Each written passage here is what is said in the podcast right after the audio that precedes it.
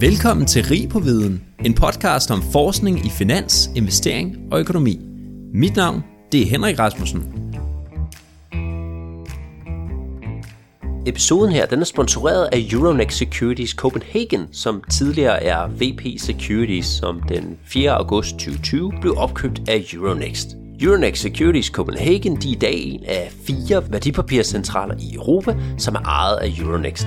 Euronext de arbejder blandt andet på at udvikle den finansielle infrastruktur med det formål at forbinde og harmonisere europæiske økonomier til globale kapitalmarkeder, og så at fremskynde innovation og bæredygtig vækst hvilket er noget, som Rig på Viden støtter 100% op om. Hvis du gerne vil vide mere om Euronext og Euronext Securities Copenhagen, så kan du besøge euronext.com en post trade eller bare vp.dk.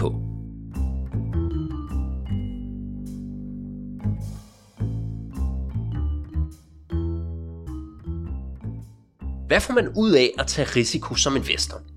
Vi har i mange år oplevet høje afkast på aktiemarkedet, og samtidig har vi set, at obligationsrenterne de er faldet uafbrudt. I finansverdenen der har mange advaret om lavere afkast fremover med udgangspunkt i blandt andet de lave renter og høje aktiekurser.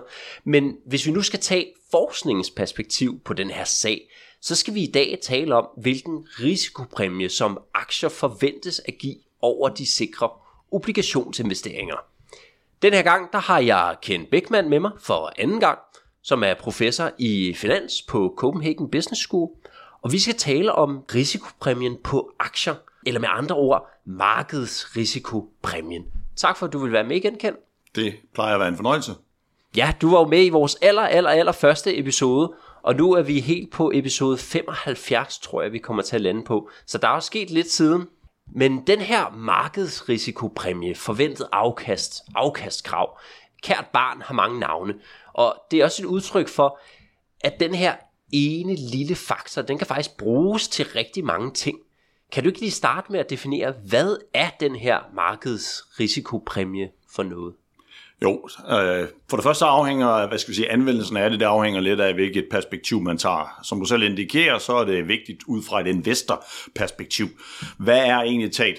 Du kan sige prisen eller den, det ekstra afkast, man kan forvente ved at tage det risiko, der knytter sig til Øh, aktiemarkedet, frem for at investere lidt mere sikkert, eksempelvis i statsobligationer. Så rent, hvad skal vi sige, øh, sat på spidsen, så er det et spørgsmål om, hvad er egentlig taget det, øh, den risikopræmie eller det ekstra afkast, man kan forvente og håbe og regne med at få på den lange bane, ved at løbe noget mere risiko, den risiko, der generelt er på aktiemarkedet. Så sat helt på spidsen, så er det også et spørgsmål om, hvad er egentlig taget prisen på aktiemarkedsrelateret risiko. Og når du nu siger de her risikofri eller statsobligationer, er, er det så for eksempel en, en kort amerikansk statsobligation, der jo typisk næsten ikke giver noget afkast efter inflation, i hvert fald det har man set historisk? Så allerede der bliver det sådan lidt afhængig af, hvad er det for nogle, øh, et perspektiv, man tager. Øh, generelt vil man sige, at hvis man kigger på en investering i aktiemarkedet, så er den typisk relativt langsigtet. Det betyder så også, at Alternativt for en investor, det vil være nogle langsigtede, øh, eksempelvis statsobligationer. Så hvis man her kigger på alternativet og definerer det som en risikofri øh, alternativ placering, så vil det være nogle måske 10, 20, 30-årige statsobligationer. Så det er altså ikke kun de korte her, som jo altså har i den grad handlet ind. Der vil også være det, vi kalder en, øh, en rente præmie, eller hvad skal vi sige, en term structure præmie, der knytter sig til den risikofri øh, investering. Okay, altså faktisk de lidt længere obligationer, som jo også har noget, noget varighed, og, og dermed også en lidt højere rente end de helt kortere obligationer typisk. Ja, igen, så afhænger det lidt af, hvad det er, markedsrisikopræmien skal bruges til, men hvis sådan i sin øh, plain vanilla i, i udgangspunktet her, så vil det være for ligesom at kigge på et, et realistisk, og også i forhold til tidsperspektiv, et realistisk alternativ til en langsigtet aktieplacering, og der plejer man ligesom at måle den risikofri, også på måske en, en gerne en 30-årig sigt, men der er ikke så mange måske likvide statsobligationer med den uh, løbetid, så derfor i hvert fald en, en så lang som mulig statsobligation, for igen at matche ligesom tidsperspektivet. Ja, okay, og det kan være, hvis man er dansk investor, så brugte man en dansk statsobligation, eller hvad? Korrekt, altså, så, så her der er det også igen situationsafhængigt, men man prøver ligesom at matche det ud for sådan et investor, hvad er egentlig det realistiske alternativ, og hvis vi kigger på markedsrisikopræmien, eller den, det ekstra afkast på det danske aktiemarked, så vil man ligesom måle det op mod en, måske en 10-årig dansk statsobligation. Ja, Okay, og nu nævnte jeg så det her med, at man kan faktisk bruge den her risikopræmie til ret meget. Hvad, hvad er det for eksempel for nogle ting, man kan bruge den til? Ja, men altså, det er, det er jo på en eller anden måde et, et meget grundlæggende element i hele diskussionen omkring, hvad kan man forvente som investor, hvordan er det risiko at blive en prisfastsat på markedet. Så hvis vi tager eksempelvis en, en aktieinvestor, jamen så vil det være et spørgsmål om måske at, at vurdere, øh, øh, øh hvad skal vi sige, på, baseret på ens historiske resultater, hvordan har man egentlig taget performet. Så det er ligesom det, altså for at performe godt, så skal man jo på en eller anden måde generere et tilstrækkeligt risikopræmie. Så det er i udgangspunkt øh, Øh, øh, anvendelsen af markedsrisikopræmien til performance-evaluering. Men hvis man ligesom skal planlægge sine investeringer, jamen, så er det også lidt et spørgsmål om, hvad er egentlig taget, hvis man er aktiv øh, forvalter, hvad er egentlig taget, for eksempel værdiansættelse, hvis man skal værdiansætte en virksomhed, finde ud af, at den over- eller undervurderet på markedet, jamen så skal man også finde ud af, hvordan er det, man justerer for den risiko, eller det afkastkrav, der på en eller anden måde ligger i virksomheden. Så det var ligesom investorperspektivet, både i forhold til at evaluere performance, men altså også i forhold til at lave aktiv investering investeringsbeslutninger. Hvis man kigger på det fra virksomhedens perspektiv, jamen så er det jo det her, der er med til at definere virksomhedens kapitalomkostninger. Hvor dyrt er det egentlig talt at blive finansieret? Og der er det jo god gammel købmandskab, og i hvert fald prøve på aktivsiden på de investeringer, de øh, øh skal vi sige, produkter, de øh, andre initiativer, som virksomheden tager, der skulle de gerne skabe et, et, et afkast på den lange bane, der i hvert fald er højere end det, det koster at få det finansieret. Så i forhold til værdiskabelse, i forhold til virksomhedens egne interne øh, investeringsbeslutninger. Skal man købe eller sælge en, en, en, en dattervirksomhed? Hvilke produkter skal man initiere? Hvilke maskiner skal man tage? Så, så alle de øh, hvad skal vi sige, vigtige, både på den korte og lange bane, beslutninger, som der knytter sig til virksomhedsdrift, der spiller, der er, der er alt udgangspunktet for ligesom at vurdere og værdiansætte dem. Det er også, hvad koster risikoen, og hvad er afkastkravene. Jeg tror, der er sikkert mange af de studerende øh, lytterne derude, som sidder med, med sådan en CAPM-model for eksempel, og der bruger man jo også den her markedsrisikopræmie. Altså man siger, ifølge CAPM, jamen så skal et aktiv eller en aktie give et eller andet afkast, som er afhængig af, af risikoen, markedsrisikoen eller beta typisk, og, og, og der ganger man ligesom den her risikopræmie på den faktor. Hvis man har en beta på 1, jamen så forventer man at få den her markedsrisikopræmie 1 til 1. Hvis beta er 2, så skulle det så være dobbelt op på den. Ikke? Er, er det også noget, man kan bruge den til? Præcis. Så hvis man tager CAPM, Capital Asset Pricing modellen, så er der ligesom tre øh, elementer i det. Det første, det er, hvad er egentlig taget igen det risikofri alternativ, hvad er den risikofri rente? Det har vi lige kommenteret på. Det andet element, det er, hvad er, hvad, er det en høj beta, som vi kalder det, altså er det en, der har meget markedsrisiko, der kan kalde det en, en risikabel industri eller en risikabel forretningsmodel. Og det sidste element i CAPM-modellen, det er ligesom, hvad er så prisen på risiko? Øh, og de første to har man sådan relativt, altså der er ikke noget her, der er, der er sort og hvidt, eller hvor vi kan sætte to streger under resultatet. Det kræver typisk nogle af forskellige analyser, men den risikofri rente og, og, og mængden af markedsrisiko, der, der findes der sådan relativt, øh, hvad skal vi sige, øh, accepterede modeller for ligesom at kvantificere dem. Så den, typisk en af de, hvad skal vi sige, store ubekendte, og, og, og, og der hvor diskussionen er meget ophedet nogle gange, det er ligesom, hvad er prisen på risiko, den aktuelle markedsrisiko risikopræmie, øh, som vi her øh, har fokus på. Og det er også derfor, at, at, at nogle gange så er der altså behov for i hvert fald at få diskuteret de forskellige tilgang til det, og i hvert fald også få udfordret en eller anden form for common sense om, at markedsrisikopræmien har altid været X, og det er den nok også nu. Altså der er meget dynamik også på de finansielle markeder, og derfor fører det direkte ind også i diskussionerne om KPM-modellen til, til værdiansættelse af afkastkrav. Ja, og der har jo netop været ret meget dynamik på det her felt lige, lige for tiden her, så jeg ved ikke, er det, er det særlig interessant at kigge på den her markedsrisikopræmie i disse dage, hvor der er store udsving i renterne, og der sker alt muligt med aktiekurserne også? Ja, altså hvis man virkelig skal, og igen det er jo svært ligesom at, at, at simplificere uh, alt uh, empiri omkring det, hvis man kigger sådan før finanskrisen, der var der sådan lidt hvad skal vi sige, konsensus omkring, hvad er markedsrisikopræmien, og det hele var det, vi kalder lidt steady state. Øh, men finanskrisen initierede på en eller anden måde en, en, en, en, en hvad skal vi sige, brød, brød med, med, med, hvad skal vi sige, common sense, og, og i hvert fald den øh, traditionelle måde at tilgå øh, risikopræmien på. Og siden da har der faktisk været endda også nogle gange ret ophedede diskussioner, både mellem markedsobservatører, mellem akademikere og mellem nogen, der skulle regulere for eksempel de finansielle markeder, om hvad er den her egentlig stat. Øh, der har været flere eksempler på, at i hvert fald den historiske tilgang uh, til ligesom at fastlægge markedsrisikopræmien er sat ud af spil, og nu er der nogle andre ting, der driver markedet. Uh, for at tage to i hvert fald uh, elementer, der har ligesom uh, spillet mange et pus, jamen så er det jo den meget, meget øh, øh, voldsomme fald i risiko, de risikofri renter, som vi har set. Altså, ja. er, er det midlertidigt, fordi vi har nogle centralbanker med meget øh, ekspansiv øh, øh pengepolitik, øh, quantitative easing, eller er det the new normal, øh, og, og så videre, er det her for godt?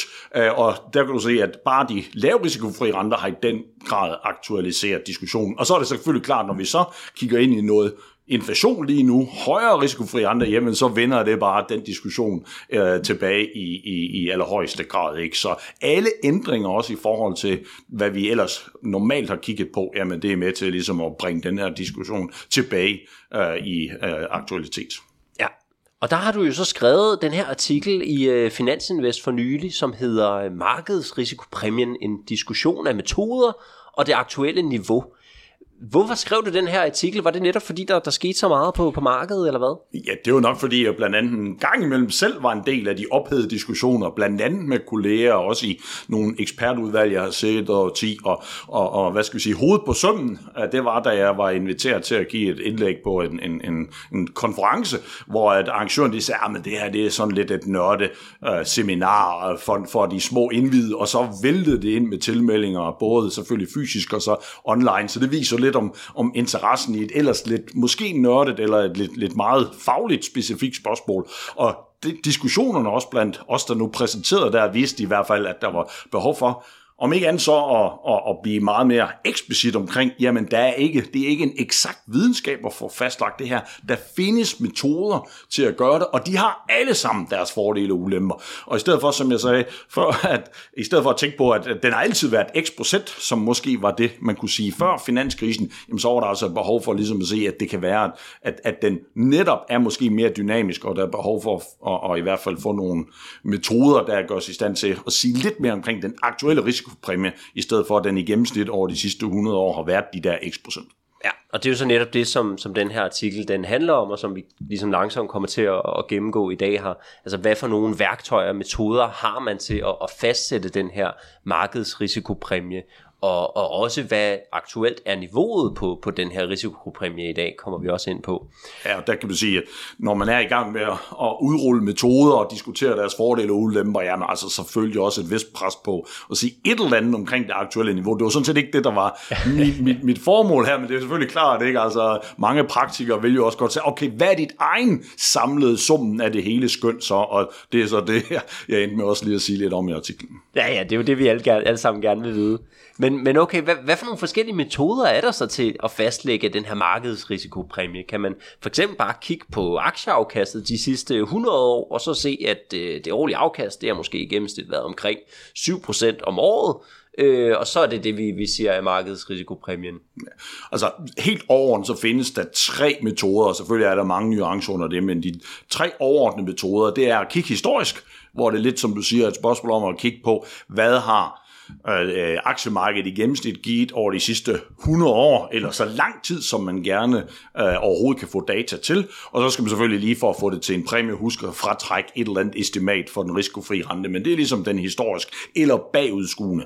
Men der findes altså også en, en lidt mere fremadskuende, det kan man kalde en implicit tilgang til det, hvor man siger, jamen altså, øh, markedsrisikopræmien, som vi lige kort var inde på, er øh, blandt andet, øh, bliver blandt andet anvendt til at fastlægge de aktuelle kursniveauer. Så lad os nu prøve at kigge på de aktuelle kursniveauer, og så prøve at regne baglæns og finde ud af, for at forklare dem, når vi kigger fremadrettet, og hvad kan virksomhederne tjene, hvad er så egentlig taget det den diskonteringsrente, som der må være brugt på en eller anden måde implicit, eller som underligger uh, konsistent med de værdiansættelser, vi har. Så ligesom den anden, enten kigge bagud, eller prøve at kigge fremad, og den sidste, det er, som man ser mange steder, det er, hvis det er svært, så kommer jeg jo prøve at lave et survey, der spørger nogen, der forhåbentlig uh, ved bedre, eller i hvert fald har fingeren mere på pulsen, altså det vi kalder nogle survey-baserede uh, modeller.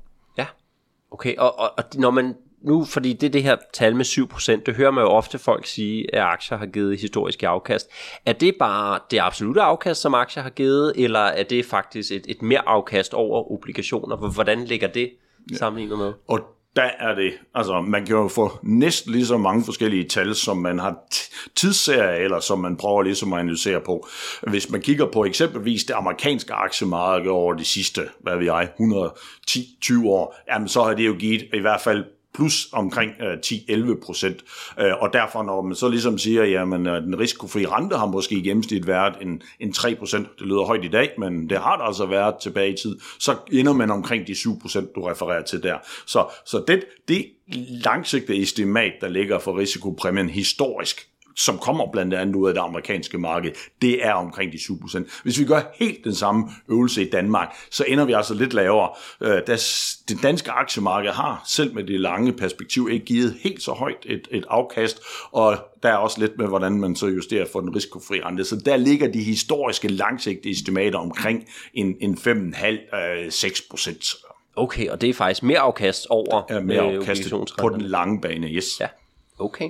Og, og hvad er så fordelene og ulemperne ved at bruge det her historiske afkast til at danne forventninger til fremtiden? Ja, altså man kan i hvert fald sige, at det er relativt simpelt. Man skal i anførselstegn kun kunne tage et gennemsnit øh, over en, en lang periode, så det er transparent og, og hvad skal vi sige, relativt gennemskueligt. Øh, det er også robust således, at man skal ikke opdatere, eller i hvert fald man får ikke øh, store skift i sin markedsrisikopræmie, men der er noget inerti, der er noget robusthed, der er noget stabilitet i det, som også har sine sin fordele. Øh, så, men, men igen, der er ikke, der er, som jeg også prøver at skrive i artiklen, der er ikke kun fordele og ulemper, øh, eller der er ikke kun fordele ved alle de her tre, der er også nogle ulemper, og igen, det giver sin, hvad skal vi sige, næsten øh, sig selv, at øh, og skal have 110 års data, der kunne man jo spille, stille sig selv det spørgsmål. For det første lidt omkring datakvalitet, som der er nogen, der har udfordret nogle gange, men måske, selvom man har gode data, altså er situationen på de finansielle markeder, øh, der er sket meget med deregulering, globalisering, internationalisering. Så det store spørgsmål det er et estimat, der er baseret på de sidste 110 år. Er, er det også virkelig det aktuelle niveau, når vi ved, hvor meget der er sket med finanskrisen, med quantitative easing og nu med inflationsbølgelser osv.? Ja, jeg tænker 100 år, det er også, altså det er meget lang tid, ikke? Der, der ændrer gennemsnittet sig jo ikke så meget af, at man har et enkelt godt eller skidt år. Præcis. Men og, hvis... og igen, det, det, er, det der også ligger ved det, det er, og det er også en lille bitte smule øh, statistisk, men det der med at estimere et gennemsnit, altså estimere i, i det her tilfælde et forventet afkast, det kræver altså, det, det, øh, der er andre, hvad skal vi sige, øh, for eksempel at estimere volatilitet eller usikkerhed, det kan man gøre på relativt kortere baner, fordi man på en eller anden måde får flere observationer, men et gennemsnit, det det er altså svært at få et meget, det vi kalder et lille konfidensinterval, og det er derfor, at man prøver virkelig at bruge 110-20 års data, og selv der kan man sige, at, at usikkerheden eller den, den præcision, man har estimeret det med, er faktisk ikke specielt godt. Men det er klart, det ændrer sig ikke, og det er der nogen, der godt kan lide. Ja. Er der, noget, er der noget, du har lyst til at sige i forhold til, hvis man nu bare kigger på det historiske tal, hvordan det ligesom ligger i dag, om, om det har, om det bunder i, i virkeligheden på nogen måde, altså er det en form for afkast, man kan vente fremadrettet, eller tænker du selv, at situationen er så anderledes i dag i forhold til inflation og renter, at, at det er en helt anden verden? Altså, jeg, jeg, jeg, jeg tror, og det er jo sådan lidt, øh, hvad, hvad ved jeg om det, men, men, men, men, men jeg tror, at selvfølgelig er det historiske et eller andet form for relevant input til den her diskussion. Og, øh, men, men der, hvor jeg selv tror, det er, at, at hvad skal vi sige, hele aktiemarkedernes effektivitet, den måde, hvor man kan nu diversificere, i stedet for førhen, hvor du var en, selv en relativt stor dansk øh, institutionel investor, jamen så havde du jo næsten 100% af, af dine aktier, det var jo danske aktier. Øh, og det er selvfølgelig, det, det, det betyder et eller andet for, for de institutionelle investorers vurdering af risikoen og, og, og, og måske manglende international diversifikation. I dag er det jo meget billigere og meget mere nemt effektivt og i diversificere. Og det kunne man godt forestille sig har været sådan en strukturel ændring, der har også affødt nogle ændringer i forhold til, hvordan eksempelvis de danske institutionelle investorer vil se risikopræmien, også fordi vi i stedet for har fået andre udenlandske investorer ind på det danske marked. Så, så der kan være, udover selvfølgelig ændringer med, med, med finanskrisen og pengepolitik og alt muligt, så kan der altså også være andre strukturelle ting. Så, så jeg er i hvert fald svært ved bare at, at, at, at, at springe nogle af de andre metoder over, så sige, fordi historien har vist over de sidste 110 år et eller andet gennemsnit, så vil det også gælde fremadrettet. Det synes jeg er, er i hvert fald en, en, en, en konklusion, der mangler lidt refleksion i forhold til nogle af de strukturelle ændringer. Ja, altså jeg, jeg kan huske øh, selv, når, når jeg har tænkt over det her øh, felt for, for nogle år siden,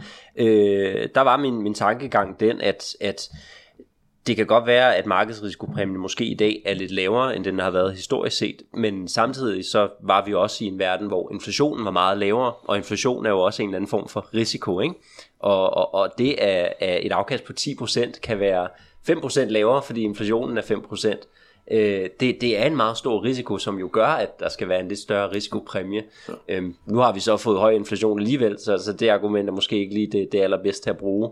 Men, men mm. altså det her med, at, at risikopræmien, det er egentlig okay, hvis den er lavere, hvis, hvis risikoen på en eller anden måde også er blevet lavere ikke? i den verden, vi er i. Øh, fuldstændig enig, og i hvert fald kan man sige, at nogle af dem, der har, været, har deltaget i den ophedede diskussion, har jo sagt, at aktiemarkedet var alt for langsomt, og også har kritiseret andre hvad skal vi sige, markedsdeltagere for at være for langsomme i at, hvad skal vi sige, reducere markedsrisikopræmien, der de risikofri renter, de faldt. Altså man sagde der, jamen nu er inflationen så lav, og realrenterne er så lave, og det hele er så lavt, så altså nu skal, nu må aktiemarkedet, og nogen har kaldt dem igen hysteriske kællinger, altså også lige acceptere, at nu er risikoen bare lavere, og, og derfor kan man ikke blive ved med at referere til et højt historisk øh, øh, afkastkrav. Men igen, nu kommer der så inflation, og der kommer desværre også nogle geopolitiske og måske også nogle energirelaterede øh, øh, risikoaspekter ind i det her. Så, så måske er igen, det historiske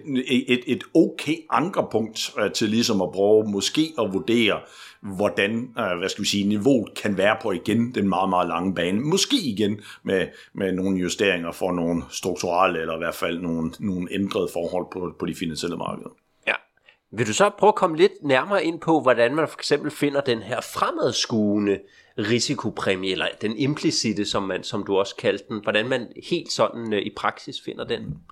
Det kræver lige en lille bitte smule, øh, måske blod, så videre, tårer, men, men udgangspunktet det er, hvis vi tager der, hvor man ofte kigger på det, nemlig på øh, S&P 500 aktieindekset, et bredt udsnit af store amerikanske virksomheder, så siger man simpelthen, okay, hvad, hvad er S&P 500 indekser, eller du kunne sige, hvad er egentlig taget? Aktier, den samlede markedsværdi af alle virksomhederne i uh, S&P 500 indekset. Uh, og så siger man, okay, hvad er der enighed om, eller hvad er der i hvert fald bud på, hvad deres udbytte eller deres indtjening vil være over en eller anden form for forecast horisont, det kunne være 5 eller, eller 8 år, og så siger man, efter vi ligesom har prøvet at, at, at, at, at, at forecaste eller gætte på, hvad er deres indtjening over den her periode, jamen så siger vi, at så ender de med en eller anden form for stabil vækst fremadrettet. Og så har man jo alt, hvad man i princippet har behov for i sådan det, vi kalder en standard udbytte diskonteringsmodel eller dividend discount model. Ja. Der har vi brug for øh, en, en, en, hvad skal vi sige, forecast på deres udbytte over en given periode, forecast eller budgetteringsperioden, og så har vi brug for en vækstrate efterfølgende. Og når vi så både kender det, deres fremtidige indtjening udbytter, kender deres vækstrater herefter, kender hvad den aktuelle niveau er for deres aktiekurser, så er der i sådan en, en værdiansættelsesmodel kun én ubekendt tilbage, og det er diskonteringsrenten eller det forventede aktieafkast øh, i gennemsnit for det marked, som S&P øh, udgør. Og det er derfor, det bliver så en måske lidt kompliceret, men i princippet en, en, en, en standard en ligning med en ubekendt, hvor man så kan regne baglæns og så finde ud af, hvad er det, hvad er den diskonteringsrente, eller hvad er det afkastkrav til S&P markedet, som sådan set kan retfærdiggøre eller er konsistent med det niveau, vi ser nu for indekset. Ja, så markedsværdien på, på hele S&P 500 eller hele aktiemarkedet, det har vi, det kan vi bare google os til, og så skal vi bruge nogle udbytteforventninger, hvad, hvad for en indtjening eller hvad for et udbytte giver alle de her aktier. Øh, det har vi måske en Bloomberg-terminal til, vi kan bruge nogle konsensusdata fra analytikerne. Og det, det er lige præcis der, hvor man typisk prøver at gøre det her på vel genanalyseret marked, ikke? Hvor, hvor det igen, fordi skulle man bare ringe til én analytiker, og så spørge, hvad er øh, estimaterne for udbytterne, jamen så er vi tilbage til i hvert fald nogle kæmpe fejlkilder ved det. Her må man håbe, at hvis det er et effektivt genanalyseret marked som S&P 500, så håber vi lidt, at summen eller gennemsnittet af alle, øh, i det her tilfælde analytikere, konsensusestimater her, kan være en eller anden form for udgangspunkt for, for hvad der er ret og rimeligt at, at gætte på eller forecaste for de her udbytter. Og på den langsigtede, som vi lige øh, kan knytte en kommentar til, på den langsigtede bane, jamen, så er der også en mulighed derfor selvfølgelig at bruge nogle langsigtede vækstforventninger. Men igen, også for at være relativt robust, så i hvert fald, hvis man tager en af dem, der har anvendt øh, metoden her med, med i hvert fald relativt succes, eller meget omtale, nemlig Damodran, en, en indisk finance professor, jamen det han gør her, for ligesom at have en robust måde, det er, når vi kommer ud over forecast-horisonten, så siger han, at for at undgå alle mulige biases og så videre, så siger han, at den lange risikofri rente indeholder jo to komponenter. En inflationsjustering og så en realrente, og realrenten er et udtryk for, hvad man på den lange bane kan tro og håbe, at sådan et aktiemarked kan, kan, kan vækste med. Så der, man kunne bruge alle mulige andre individuelle, men, men her er i hvert fald en relativt robust og nogenlunde nalfast måde at prøve at estimere noget, der naturligvis også spiller en stor rolle i, i forhold til øh, den øh, estimatet af den her implicite øh, afkastkrav. Og, og med den her episode, øh, metode vil man vel også se, at hvis for eksempel S&P 500 har en høj price earnings, så vil man estimere en, en lavere risikopræmie, og, og modsat hvis price earnings lige pludselig falder meget, hvis aktiekurserne falder meget, og earnings stadig er det samme, så vil, så vil man fremadrettet forvente mere afkast. Ikke?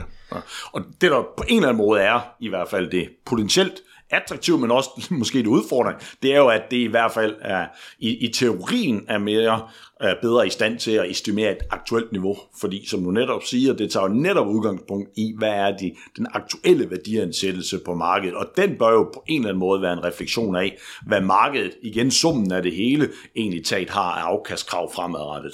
Ja, og det er vel især, tænker jeg, den her metode, der har givet anledning til, at mange øh, finansprofessionelle ude i markedet, de har advokeret for, at afkastene fremadrettet de er lavere, fordi at øh, værdiansættelserne på aktier, de er bare stedet og stedet over rigtig mange år. Ikke? Mm. Øhm, og, og det ved jeg så ikke, om, om det i virkeligheden har sat sit... Øh, sit spor ude i, i, i, hvad folk ligesom forventer, når du spørger dem, hvad forventer I afkastet bliver, fordi der er jo også den her survey spørgeskema baseret metode til at finde risikopræmien. Har, har den ændret sig på det seneste? Ja, der er mange spændende facetter i det, du siger der. Det, det første, jeg gerne lige vil, vil, vil, vil understrege her, ikke, det er, at når vi her taler om markedsrisikopræmien, eller det forventede afkast på markedet, jamen så er det øh, med de anvendelser, jeg har i tankerne her, så er det altså virkelig på den lange bane. Og som jeg også prøver at skitsere med sådan en lille, hvad hedder sådan noget, pixie, eksempel, ikke? Jamen altså, så øh, er de, de, når man diskuterer markedsforventninger og afkastforventninger, så er det typisk på den lidt kortere bane, og der er det fuldstændig rigtigt, at når, øh, hvis man lige pludselig ind, øh, hvad skal vi sige, indkasserer meget store aktiekursstigninger, jamen så må man jo så forvente, i hvert fald på den korte bane, at så kan man ikke få de samme øh, stigninger en gang til. Så meget, meget høje kursniveauer må afspejle en på den korte bane øh, lavere afkastforventninger. Det, det, og det er fuldstændig rigtigt, og det er en helt hvad skal vi sige, interessant øh, diskussion her, som blandt andet øh, Rådet for Afkastforventninger og andre går ind på, hvor man også er inde på, på den korte bane. Det, som jeg prøver at sige her, det er, at vi hvis vi kigger på eksempelvis virksomhedernes langsigtede investeringsbeslutninger, om de skal købe eller sælge deres øh, en, en, en virksomhed og, og nogle af de her ting, jamen så, er det jo ikke, så skal det jo ikke afspejle om afkastforventninger nu til den næste tre eller fem års horisont mere eller mindre tilfældige er høje eller lave. De bliver nødt til at have nogle lange briller på. Også for ligesom, at man kan sige, at hvis aktiekurserne er høje nu, så er det jo måske et, en indregning i, at virksomhederne kan skabe et højt afkast. Det er derfor, de lige øh, er sten på det seneste. Og så bliver virksomhederne nødt til at levere det. De kan jo ikke lige pludselig sige, at jamen, nu øh, er aktiekursen sten, jamen så skal vi ikke levere samme afkast. Så der er sådan lidt, der er lidt, lidt endogenitet, eller der er sådan lidt udfordring i det, og derfor prøver jeg lidt, og det var faktisk også en af de pointer, jeg gerne vil have frem, det er, at man skal passe på med at diskutere. Man skal have tidshorisontet meget, meget eksplicit. Er det på den korte bane, hvor at aktiekursniveauet og de der ting i den grad spiller ind øh, i forhold til, hvad man kan forvente? Eller er det, som vi prøver at snakke om, øh, i forhold til for eksempel den implicite tilgang, den kigger jo i princippet ud i al uendelighed ja. øh, i estimaterne, netop for at få det lange briller. Og det, det er det, der er vigtigt for de ting.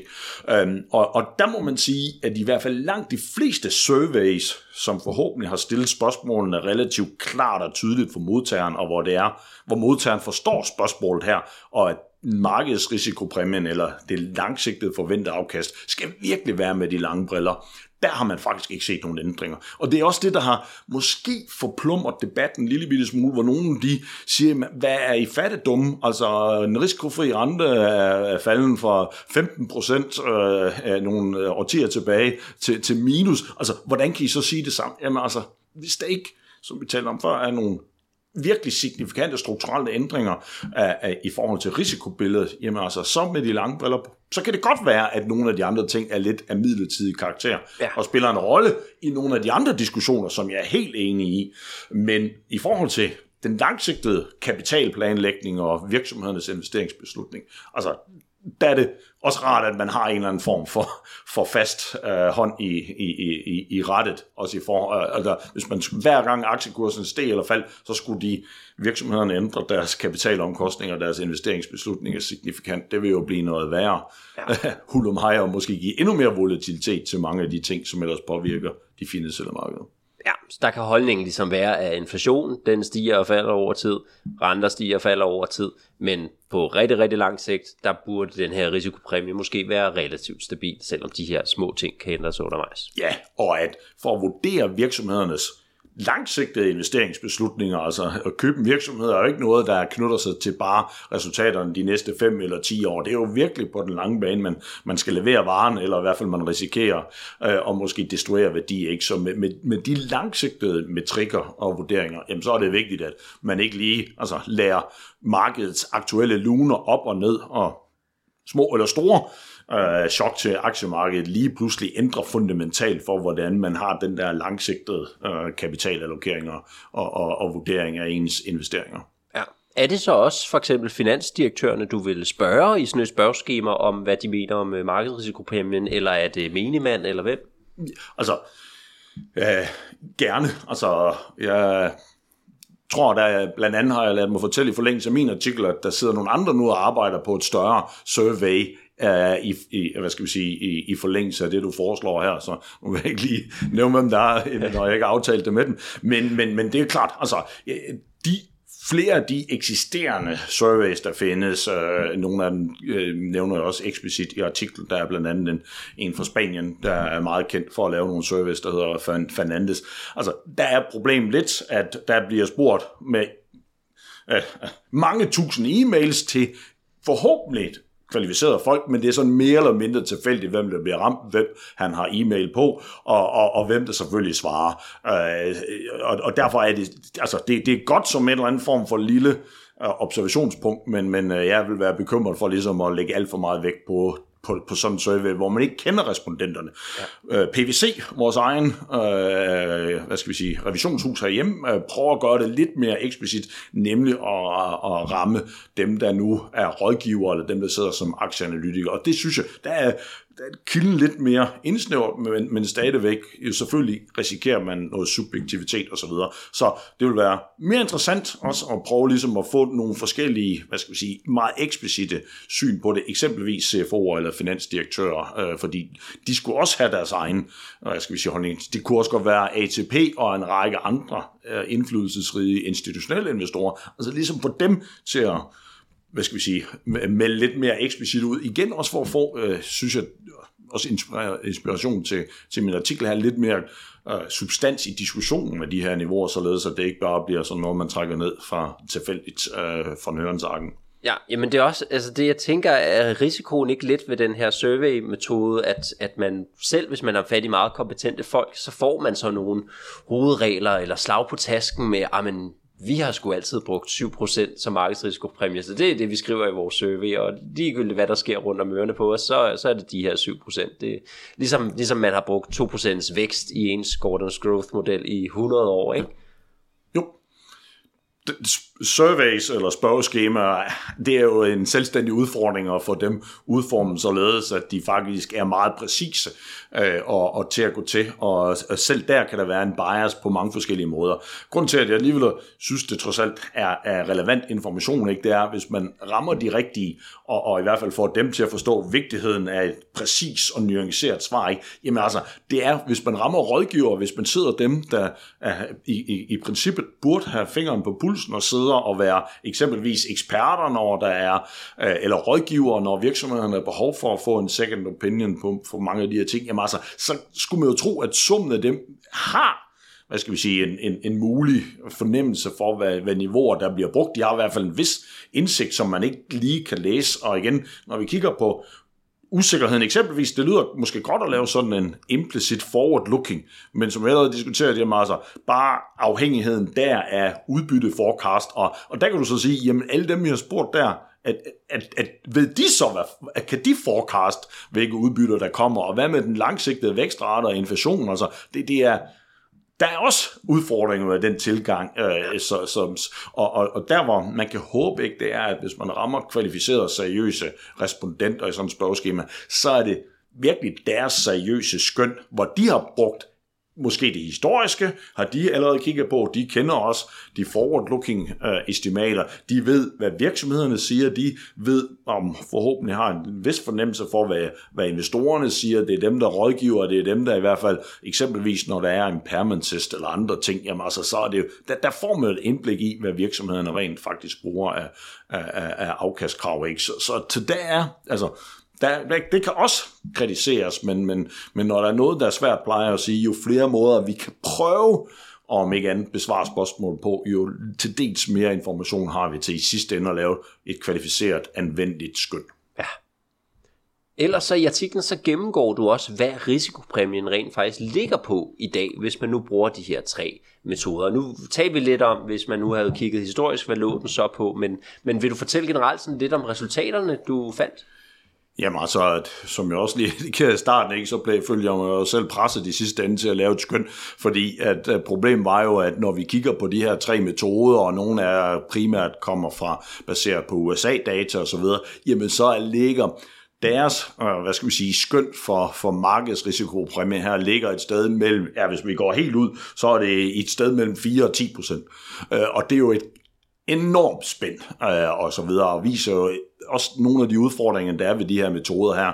De er ikke enige på tværs, og hvis man kigger eksempelvis på nogle af de her estimater, enten for forskellige lande, eller kigger på survey, hvor der er forskellige respondenter, selv inden for den enkelte metode, kan vi se et, et stort, skøn, øh, et stort øh, spænd i, i de estimater.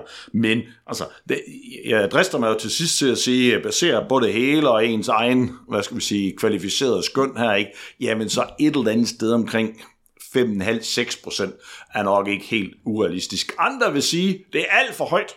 Andre vil sige, det er for lavt, jamen så er vi i gang med diskussionen igen, og så er det, jeg vil bare vil sige, jamen, så show me the money, eller show me the evidence, altså hvad, hvad er jeres belæg for? Er, er det bare maven, eller, eller hvor er det henne? Ikke? Og, og, og, og man kan i hvert fald se, at over tid, og, og det der med, at der er så stor spænd på det, tilser jo i hvert fald, at man ikke bare kan sætte to streger over en, under en, en median eller et gennemsnit for nogle af de her tal, og, og at estimaterne også varierer trods alt over tid her, når vi specielt bruger for eksempel den, den, den forward-looking.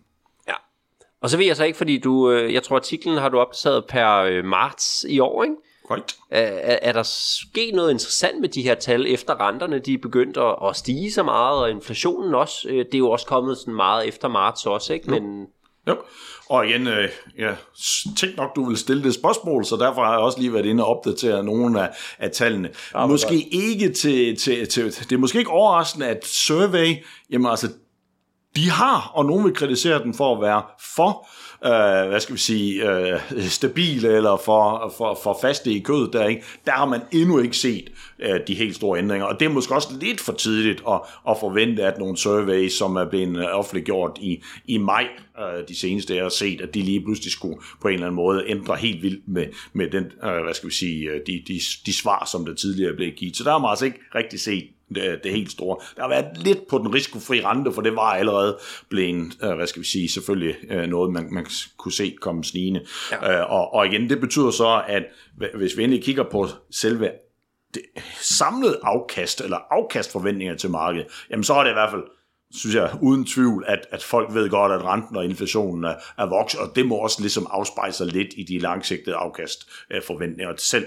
Det kan man se i service. Men hvis vi kigger på risikopræmien, altså ja. det, på en eller anden måde, hvad er risikoen? Jamen så uh, end, uh, den, den forward-looking, den endte jo med at kigge på, Øh, i, I december så var den ja, 4,24 procent, så bare lige for at have det med to decimaler snakkelighed her.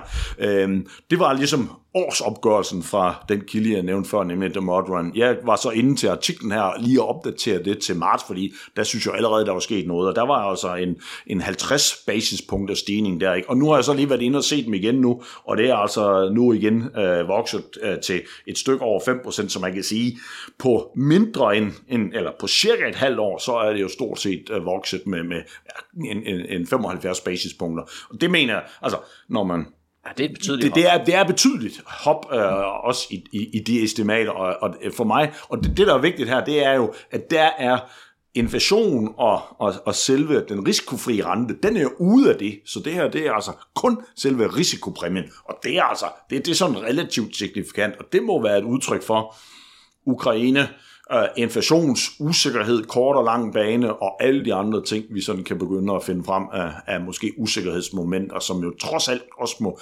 påvirke ligevægten på, på, på aktiemarkedet. Ja. Okay, og ellers så i artiklen, der refererer du faktisk til øh, Sten Thomsen, øh, i, som vi jo faktisk har haft på besøg en del gange her, og, øh, og formentlig også skal tale med om øh, forventet afkast. Det som virksomhederne de kalder for WAC, altså Weighted Average Cost of capital, sådan en kapitalomkostning, de bruger til at tilbagediskontere for eksempel. Og, og det er altså omkring 8%, som han finder ud af, at mange virksomheder, de ligesom bruger i kapitalomkostning, og de tilbagediskonterer altså de her øh, 100 kroner, som de kommer til at tjene om et år, med for eksempel 8%, og så er der altså kun 92 kroner tilbage i, i værdi i dag tilbage diskonteret. Øhm, og det mener han er alt for højt et tal at bruge i, i den verden, vi lever i i dag. Hvad, hvad er problemet, hvis virksomhederne de bruger et, et alt for højt øh, afkastkrav til at tilbagediskontere med? Ja. Først er det selvfølgelig meget vigtigt her, ikke? at der er mange begreber her, men et af grundelementerne netop i fastlæggelse af vagten eller virksomhedens kapitalomkostninger er jo netop markedsrisikopræmien, som vi har, har, har, har øh, diskuteret her. Så, så hele diskussionen også i forhold til, til Sten Thomsens øh, artikel, hvor han diskuterer nogle af de her ting, jamen det er netop, at der, eller relaterer sig netop til den der ophedede diskussion omkring øh, markedsrisikopræmien. Øh, og, og, og jeg er enig med ham, at 8% lyder højt, det er også, hvis man kigger på mit skøn, så vil jeg jo ned på 6%, så altså jeg vil jo sige, at der hvor han synes, at det er for højt at bruge 8%, der er jeg enig med ham, jeg siger så 6%, men han vil helt ned på 4%, og så er vi tilbage til diskussionen om for højt og for lavt, og jeg synes 4% det er Øh, efter mine vurderinger, også når jeg kigger på de kilder og forskellige ting, så synes jeg, det virker relativt lavt som et langsigtet øh, afkastforventning på aktiemarkedet. Men det er klart, altså øh, det, der, det er fuldstændig rigtigt, at det er på en eller anden måde skidt at bruge en for høj eller for lav diskonteringsrente. Og hvis vi tager udlemperne ved at bruge en for høj, jamen det er, så investerer virksomhederne for lidt. De sørger ikke, de tænker ikke nok langsigtet. De så mangler måske noget innovation eller noget forskning og udvikling. Øh, de iværksætter for, eller hvad hedder det, øh, sætter for få nye projekter i gang. I det hele taget så er, øh, hvad skal vi sige, vækst og herunder investeringsløst virksomhedernes innovations- og udviklingsløst er noget, der på en eller anden måde vil blive hæmmet specielt for meget, hvis man bruger en alt, alt for høj øh, diskonteringsrente. Men omvendt, så er det heller ikke godt at bruge en for lav, så sagt lidt, måske lidt billedeligt, øh, så smider, ender, risikerer de jo at smide penge ud af vinduet, øh, fordi ja. de sådan set uh, investerer i hvad som helst, uden at tænke på, jamen der skal jo leveres et afkast til, til aktionærerne, så, så det, det er fuldstændig legitimt at have en diskussion om, hvornår er det for højt eller, eller for lavt, øh, men sat på spidsen og med mine konklusioner. Og, og nu må vi se, om Sten har ændret synspunkt fra hans, den var jo i den grad for før, der rigtig skete noget med de risikofri andre og inflation. Vi må se, om han stadigvæk mener, at det er 4%, at det er den rigtige, ikke? Men, men at 8% er for højt, det synes jeg Uh, der, det er der ingen tvivl om, og, og det vil jeg stadigvæk også uh, holde, holde fast ved.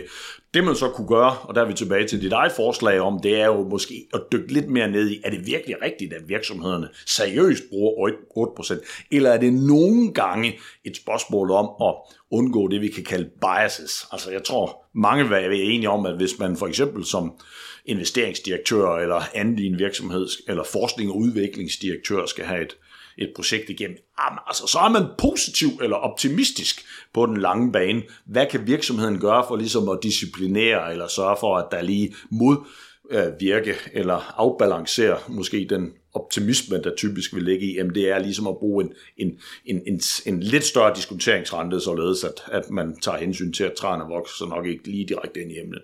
Ja, ja, altså hvis, hvis de ikke sidder ude i virksomheden og vil rykke på den her hovedregel med at bruge 8% i, i VAK, så er der jo andre værktøjer, som de kan skrue lidt på. De kan skrue på vækstforventningerne, på synergieffekterne, og så kan de på den måde kompensere, netop som du siger, så er de lidt biased, ikke? så kompenserer de på den ja.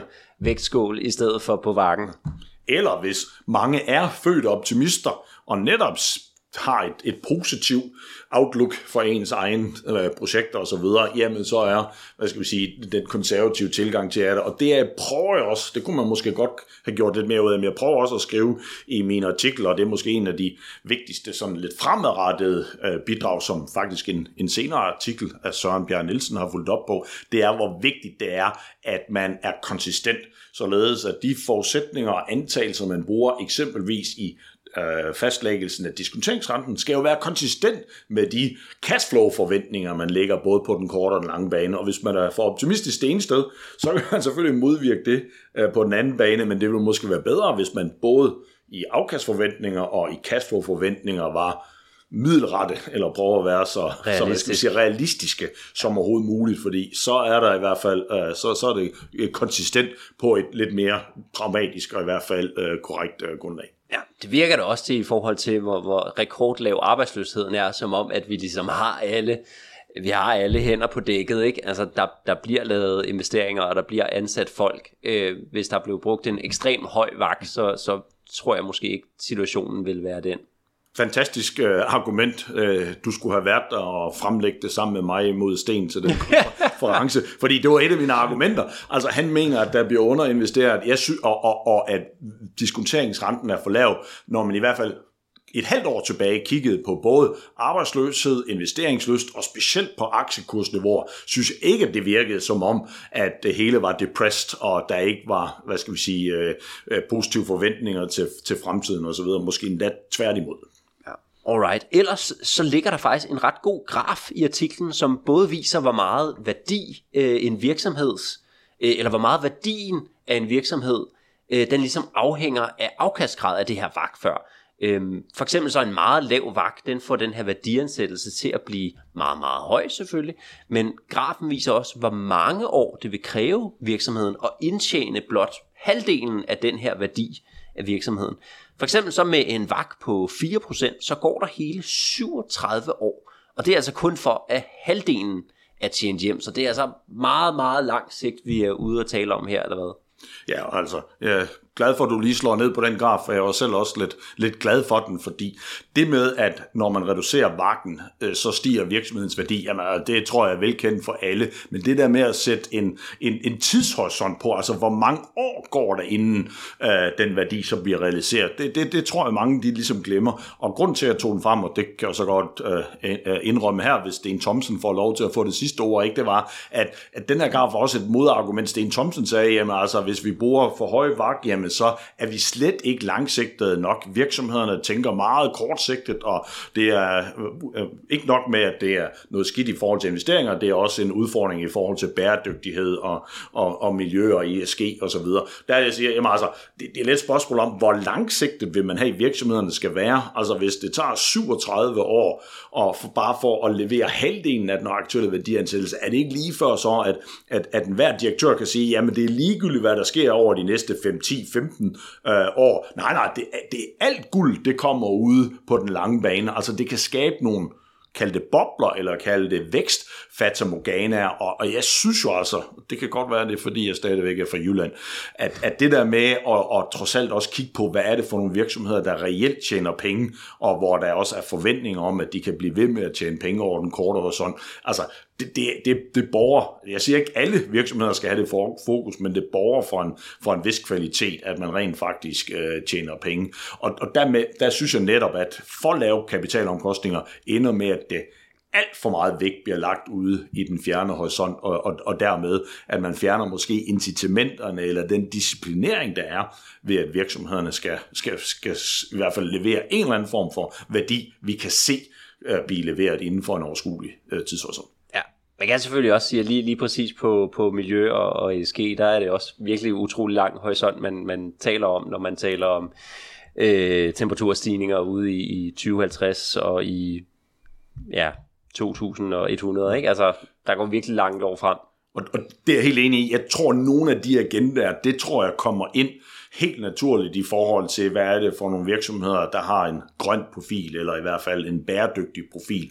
Og de bliver indhentet meget før 2050, hvis de ikke gør noget fornuftigt. Så, så det, jeg, jeg, jeg synes på en eller anden måde i hvert fald, at det vil være uhensigtsmæssigt, at man siger, at nu skal vi i tale sætte den grønne omstilling øh, eksempelvis ved at bruge for lave kapitalkrav. Nej, altså den, den, brand management, eller i hvert fald awareness omkring øh, behov for at gøre noget grønt og vise, at man er, øh, hvad skal vi sige, er bæredygtig. Altså, det, det kan man jo allerede se nu, at det bliver prisfastsat, så, så jeg, jeg, kan ikke, jeg kan i hvert fald ikke, jeg, jeg synes ikke, at, at det bør tale for, at man skal lave en, en selvstændig reduktion i, øh, øh i vakken. Jeg synes allerede, at nogle af de niveauer, vi ser nu, er, altså med, med min figur igen og 37 år, det er sådan set langsigtet. Også når vi kigger på, at nogle af de direktører, de har altså ikke en, en tidshorisont på, på 37 år. De til gengæld bliver måske skiftet ud hver 5. 6. år. Så det er også lidt et spørgsmål om at skabe de rigtige incitamenter, både i forhold til investorerne og, og tvinge noget langsigtet ind der, men altså ikke for langsigtet, fordi det vil fjerne måske lidt af det behov for at levere på, på en, en lidt mere, hvad skal vi sige, årlig basis. Ja, det skriver jeg da også lige øh, bag øret, og så øh, hører Sten om det også. Kunne det være meget sjovt. Ellers, for ligesom at runde af, Ken, hvad mener du ligesom skal være takeaways fra den her artikel, hvis man sidder derude som praktiker? Jamen det er, at det er ikke bare religion om øh, markedsrisikopræmien skal være 7 eller 5 eller 4 procent. At der findes heldigvis nogle forskellige måder, hvorpå man kan kvalificere den diskussion, men de har alle sammen deres fordele og ulemper. Så i stedet for ligesom at, at sige, at jeg mener eller jeg tror, jamen altså så må man prøve at dykke mere ned i, hvad er egentlig taget de lidt mere empiriske eller solide argumenter for, for den, hvad skal vi sige, den vurdering, man har, eller det skøn, som det er i sidste ende. Altså det der med at være for eksempel lidt mere eksplicit omkring, hvad det er for nogle spørgsmål, man har stillet, eller hvad er grundlaget for ligesom at, at lave et, et skøn over markedsrisikopræmien. Og der er altså nogle ikke, hvad skal vi sige, øh, nemt anvendelig, men der er trods alt nogle metoder for at, at fastlægge det her og kvalificere det, og der er det måske vigtigt, at man prøver at sætte sig ind i dem og, og have en, en, hvad skal vi sige, en forståelse af fordele og ulemper. Det var i hvert fald det, jeg der prøvede at lægge ind. Og så tror jeg også, at jeg selvfølgelig prøvede lidt forsigtigt at komme med et aktuelt skøn, bare for ligesom at, og måske øh, lande et eller andet sted midt imellem, hvor jeg siger, at det er et problem, hvis man bruger alt for høj øh, afkastkrav. Det er også et problem, hvis man bruger et for lavt. Men det nytter heller ikke noget, at man hver det eneste år eller hver eneste måned, når aktiekursen er gået op eller ned, så skal virksomhederne lige pludselig til at revurdere hele deres investeringsprogram og, og, og performance-evaluering og alle de andre hvad skal vi sige, anvendelser, der er afkastkrav. Så man må, der, der skal være en eller anden passende balance mellem selvfølgelig, at det skal afspejle det aktuelle niveau, men det skal ikke være noget, der på en eller anden måde fordrer, at man skal opdatere det på månedlig eller ugenlig basis. Øh, og det er, den, det er der, hvor der kommer en eller anden form for skøn ind i det. Og det sidste, øh, og det, det som jeg også lige sagde, det er der heldigvis andre, der har, har har, har taget stafetten op omkring, og måske det var en, en anden episode til Rig på Viden, jamen det er hele den der diskussion omkring konsistens mellem, hvad det er for et udgangspunkt, man tager for selve vurderingen af markedsrisikopræmien og, og selve diskonteringsrenten, og så cashflow. Altså, og specielt konsistenten på den lange bane. Der tror jeg, at vi alle i hvert fald kan lære noget af den artikel, som Søren Bjørn Nielsen har skrevet i forlængelse af den her, om, omkring hvad er egentlig talt konsistente, langsigtede vækstrater. Øh, fordi det er vigtigt med værdiansættelser, det er vigtigt med diskonteringsrenter, men det er også vigtigt med en eller anden form for konsistens, øh, fordi ellers så kan vi se bobler, vi kan se øh, over- og underinvesteringer, og der er måske mange, der ikke øh, ved øh, på en eller anden måde, hvordan konsistensen den, øh, kan sikres i sådan en standard værdiansættelsesmodel, som vi alle sammen tror, vi er verdensmester i. Jamen, det er helt perfekt, Ken. Jeg siger tusind tak, fordi du vil være med i dag. Selv tak. Tak for, at du lyttede med til Rig på Viden. Jeg håber, at du lærte noget, og hvis du nu synes godt af vores podcast, så kan du støtte os ved at følge den på Spotify eller skrive en anbefaling på iTunes. Inde på LinkedIn, der kan du følge André Thormand, Benjamin Somofen eller Henrik Fode Rasmussen. På genhør.